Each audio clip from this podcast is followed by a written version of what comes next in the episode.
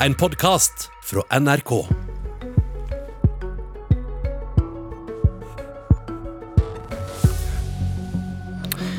Nye tall fra regjeringen viser at nesten hele formuesskatten betales av de rikeste. Men har det noe å si, De her tallene viser at eh, det er rett og slett en veldig rettferdig skatt. Mener SV. Vi ønsker også å redusere ulikhet, men vi gjør ikke det gjennom å øke skatten på norske arbeidsplasser. Mener regjeringen. Debatten om formuesskatten er minst like vanskelig å bli kvitt som selve formuesskatten. Bare én av dem du hørte i staten her, kunne være med i Politisk kvarter i dag. Finansminister Jan Tore Sanner fra Høyre hadde ikke anledning, og ingen andre i Høyre hadde heller mulighet. God morgen, Kari Elisabeth Kaski fra SV. God morgen. Du har spurt Sanner og Finansdepartementet om hvem som betaler formuesskatt. Svaret var at 14 av 15 milliarder kroner i formuesskatt betales av de 10% rikeste i Norge. Og den rikeste prosenten betaler 9 av disse 15 milliardene. Hvorfor mener du dette er viktige tall?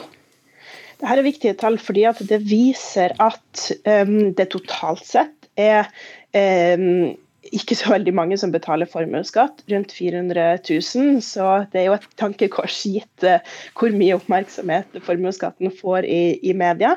Um, og i for så vidt den politiske debatten. Men det er også interessant fordi at den viser at formuesskatten i seg sjøl um, betales i all hovedsak av de aller rikeste. For iblant de 400 000 da, så er det også sånn at det er som du sa, den øverste prosenten rundt 40 000 betaler nesten to tredjedeler.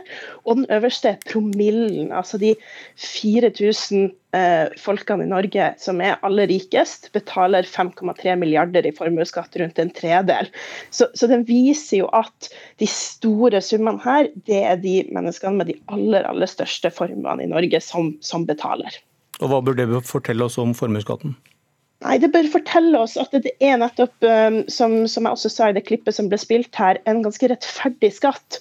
Som er nettopp en skatt på formue, uh, og som sørger for at de, uh, de, rikeste i Norge med de største formuene bidrar til fellesskapet og, og betaler skatt på sin formue.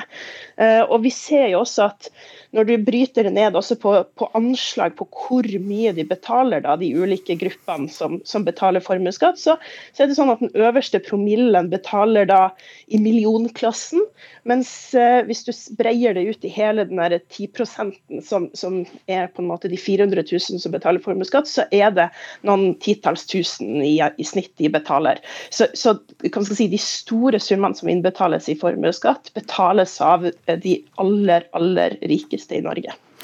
Tore Storhaug, du er finanspolitisk talsmann i regjeringspartiet KrF. Velkommen. Takk for det. Hva forteller disse tallene deg? Er, disse tallene viser jo at det er de rikeste som betaler mest av formuesskatt. Det er de som har de største formuene og som er mest formuende, som betaler den største andelen. Og det, det, er riktig. Det er grunnen til at jeg mener vi bør ha en formuesskatt i dette landet. Men så er det jo også sånn at en, en må, det, det, går an å, å, legge andre tall til grunn her òg, eller å, å, snu på de tallene som blir brukt. Eh, det er like fullt òg et fakta at 98 av de som betaler formuesskatt, det er de som eh, har under 20 millioner i formue. Typisk de som er investorer, de som bruker pengene sine i små og mellomstore bedrifter og lokale bedrifter langs hele kysten vår. Sier du dette bare for å forvirre? Det endrer vel ikke bildet at det er de 10% rikeste som betaler mest av formuesskatten? Det viser at det er de som betaler mest, men det viser at det er en skatt som òg treffer bredere, og som treffer òg mange av de som er viktige for norsk næringsliv. Fordi det er, det er ikke alle plasser og alle bedrifter langs kysten vår som har tilgang på utenlandsk kapital, men som er avhengig av lokale eiere, og at de har mulighet til å investere i sine bedrifter.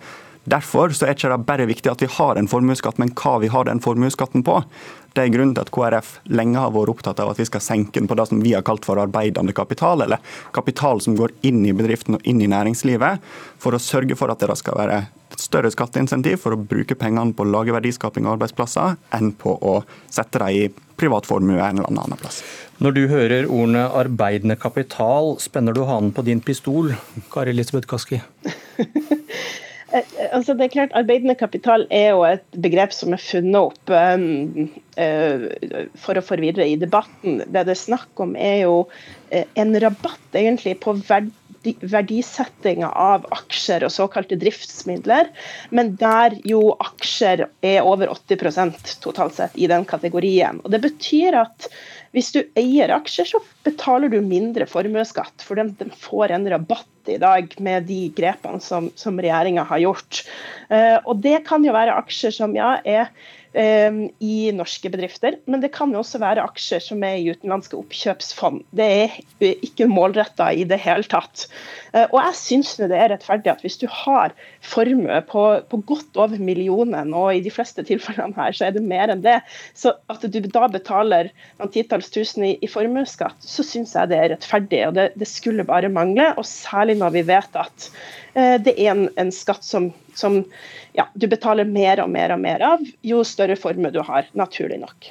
Det er jo sånn at det er et bredt flertall på Stortinget i skatteforliket. Ikke SV rett nok, men stort sett alle andre var enige om at det skal være forskjell på det som er arbeidende kapital og det som er annen formue. Og at en ønsker å vri skatteinsentiver sånn at en skulle investere mer både i aksjer og i driftsmidler, fordi det gjør til at det skal lønne seg mer å, sette pengene sine i den delen av økonomien som skaper verdier. Og det, det, jeg mener det er et godt prinsipp. og Til forskjell fra eh, 2013 så er det sånn at de som nå har litt penger og lurer på hvor de skal investere dem, så får de mer penger igjen for å sette dem, eller kommer skattemessig bedre ut hvis de bruker dem i den lokale bedriften sin, enn om en gjør det eh, med å kjøpe en sekundærbostad i Oslo eller i Bergen, sånn som skatteinsentiver var lagt opp tidligere. Det mener jeg er et godt prinsipp, fordi det gjør til at vi kan bruke mer av pengene på det vi trenger mer av i den tida her som er at vi har et næringsliv i hele landet som, eh, som går godt, og som lager aktivitet i hele landet. Ok, vi, vi, Storhaug, vi hørte finansministeren si i starten av sendingen at regjeringens mål er å redusere forskjellene. Men det står ikke i regjeringsplattformen deres. Hvorfor ikke? Der, uh, står det vel at en skal hegne om at Norge er et uh, land med små forskjeller. Nå, nå husker ikke jeg alle hundre sidene ordrett, men ja, det, det, er et politisk det, mål som, som, jeg vet at alle partier i regjering deler. Det står at det er små forskjeller i Norge, og de må bevares. Mm. Det står ikke at forskjellene skal reduseres. Hvorfor ikke? Jeg mener det er viktig at vi tar vare på de små forskjellene. Og så er det jo sånn at over de Hvis de er små, så trenger man ikke redusere det. Nå sier finansministeren at de skal reduseres. og har dette blitt et større problem siden i fjor, da regjeringsplattformen ble skrevet? Det, det an, eh, når regjeringsplattformen ble skrevet i fjor, så var vi i en ganske annen situasjon enn vi er nå. Men jeg er enig med finansministeren i at det er et mål å få ned eh, forskjellene i Norge. Hvorfor har dere ikke skrevet det i regjeringsplattformen, da?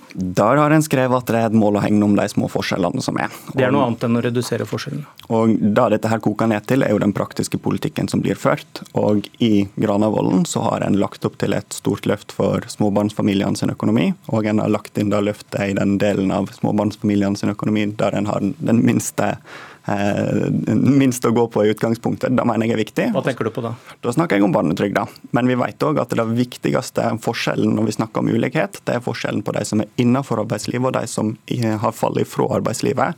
Og ser en det siste året eh, som Norge har stått i siden Granavolden-plattformen ble skrevet, og det, den, det virusutbruddet vi har vært i, den økonomiske krisa som har fulgt det, så er det viktigere enn noen gang at vi sørger for at vi har et arbeidsmarked der vi får opp aktiviteten, og der flere kan komme seg innenfor og delta i arbeidslivet. For alle, det er den største forskjellen. Alle vil ha folk i jobb, men du nevnte da barnetrygd som det viktigste dere gjør kanskje mot, uh, mot Det er et av de viktige grepene, ja. Hvor mye bruker dere på å øke barnetrygden? Hvor mye penger? Eh, det er 1,1 milliarder milliarder i året, den auken som er i år. 1,1 milliarder den auken som var i fjor. Og så har vi gjort en auke før da, som jeg òg tror er ca. 1 milliard. Alle får barnetrygd, rik og fattig. Hvis du trekker fra det alle med god råd får, hva står igjen da? Vi har i tillegg til det òg økt de rettledende sosialhjelpssatsene for de som Nå svarer du ikke på spørsmålet, det hører alle. Men, men hvor, mye, hvor, mye, står, står igjen når du trekker fra barnetrygda fra de som ikke trenger det, da? For det er vel det som er reelt går til fattigdomsbekjempelse? Det tallet har ikke jeg regna på, men det som, det som, er et fakta, er at barnetrygda betyr mest for de familiene som har minst. Og så okay. er det helt riktig som du sier at universelle velferdsordninger de treffer rik og de treffer fattig, men jeg syns det har en viktig ja. verdi, jeg. Og det er jo også sånn at de barnefamiliene som har minst, så betyr det bidraget da desidert mest. Men det er mye mindre enn disse tre milliardene da, som treffer de fattigste. Eh, hvor mye har dere redusert formuesskatten med? Den, den, totale, Det kommer litt an på hvordan du regner. Hvis du regner fra 2013, eller om du regner fra Må du ta 2013 og KrF var med på laget her. Så er vi vel rundt 8 milliarder. 8-9 milliarder, ja. Mm -hmm. Hva syns du balansen mellom fattigdomsbekjempelse og det beløpet? Ja, men Da regner du i ett av tiltakene inn mot fattigdomsbekjempelse mot ett tiltak på en annen plass. Jeg mener jo det er mange andre tiltak her som har vært viktige. Ja, det vil jeg si. Fordi F.eks. òg den øken som har vært i tall tilsatte i barnehager, den øken som har vært på tall tilsatte når vi har fått på plass lærernormer, som vi vet er et av de mest målretta tiltakene for å sørge for at alle unger får en bedre start og ikke faller fra tidlig i skoleløpet er òg viktige løyvinger som har kommet på plass i denne stortingsperioden, som viser òg at en har ambisjoner for å sørge for at alle sammen skal ha en mulighet til å få en bedre start på livet, og til at vi skal redusere de viktigste forskjellene som er, som er mellom de som er innenfor arbeidslivet og de som av forskjellige grunner faller utenfor. Ok, Kaski, jeg må nesten høre med deg litt til utgangspunktet her. Du er opptatt av det er de rike som treffes av formuesskatten, og at det blir da hva er det, 25 000 nullskattytere hvis den fjernes.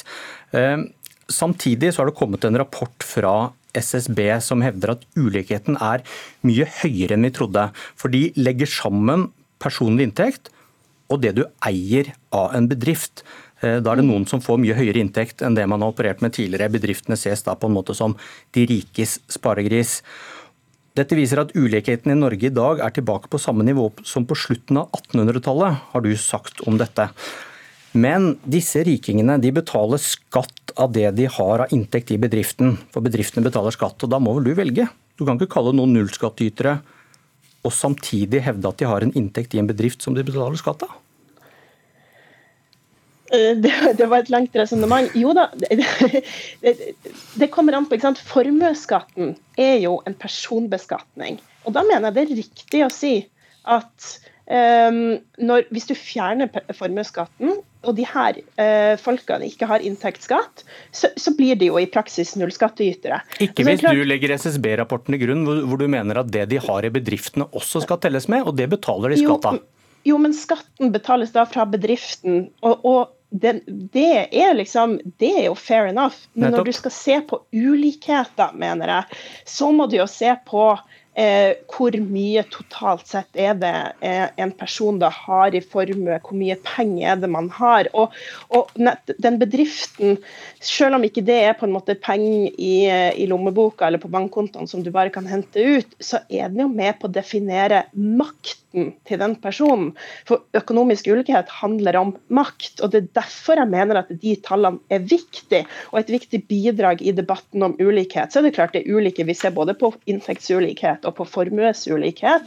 Så det er ulike parametere man ser på. Ja, men Poenget men, er at men, du, du skiller ikke mellom de. Hvor, for, hvor redelig er det når du da kaller noen nullskattytere? Når du samtidig insisterer på å telle med de verdiene de betaler skatt av i bedriften? Du må vel velge her? Gjøre enten eller? Nei, jeg syns egentlig at det er redd. Og, og nullskattytere er uansett ja, det er en del av debatten. Vi har nå kritisert de her skattekuttene som har vært i formuesskatten, uavhengig av nullskattytere, fordi at det bidrar til å øke forskjellene. Og dere var ganske høyt på banen med dette med nullskattytere når det gjaldt å fjerne formuesskatten? Jo, fordi at Høyre vedtok det på, på, sitt landsmøte, og det mener jeg er relevant og viktig, viktig kritikk. Men, men det uh, underslår ikke at det også er problematisk, de, de kuttene som har kommet i formuesskatten, og som nettopp handler egentlig om å, å redusere skatten på det eierskapet som landets aller rikeste har, og som er årsaken også til at de rikeste med de største formene nå trekker ifra, og at forskjellene øker. Så, så vi har en regjering som, som, bidrar til å forsterke den ulikhetsveksten som vi har sett siden 80-tallet. Ok, Her ligger det en mulighet for Høyre også, som ikke er her.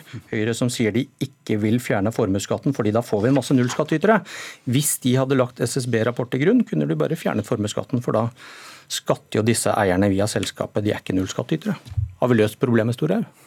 Jeg vil nok eh, stå fast på det som har vært KrF sin politikk, at det er viktig ikke bare at vi skatter eh, de som har de største formuene, men hva vi skatter dem på. Og I løpet av de siste åra har vi fått til en skattevriing som gjør til at nå er det mer, mer skattemessig gunstig investere i lokale bedrifter enn det er å investere i sekundærboliger. Det tror jeg er et godt prinsipp, for det vi trenger nå, er mer investeringer i næringslivet og de små bedriftene langs kysten vår, ikke store skatteskjerpinger for dem. Ok, Dette er debatten som aldri dør. Takk Tore Storhaug og Kari Elisabeth Kaski. Og Det var et Politisk kvarter. Jeg heter Bjørn Myklebust.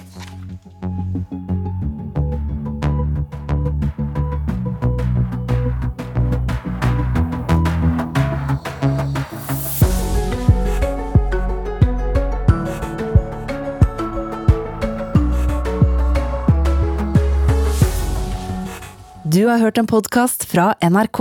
Hør flere podkaster og din NRK-kanal i appen NRK Radio.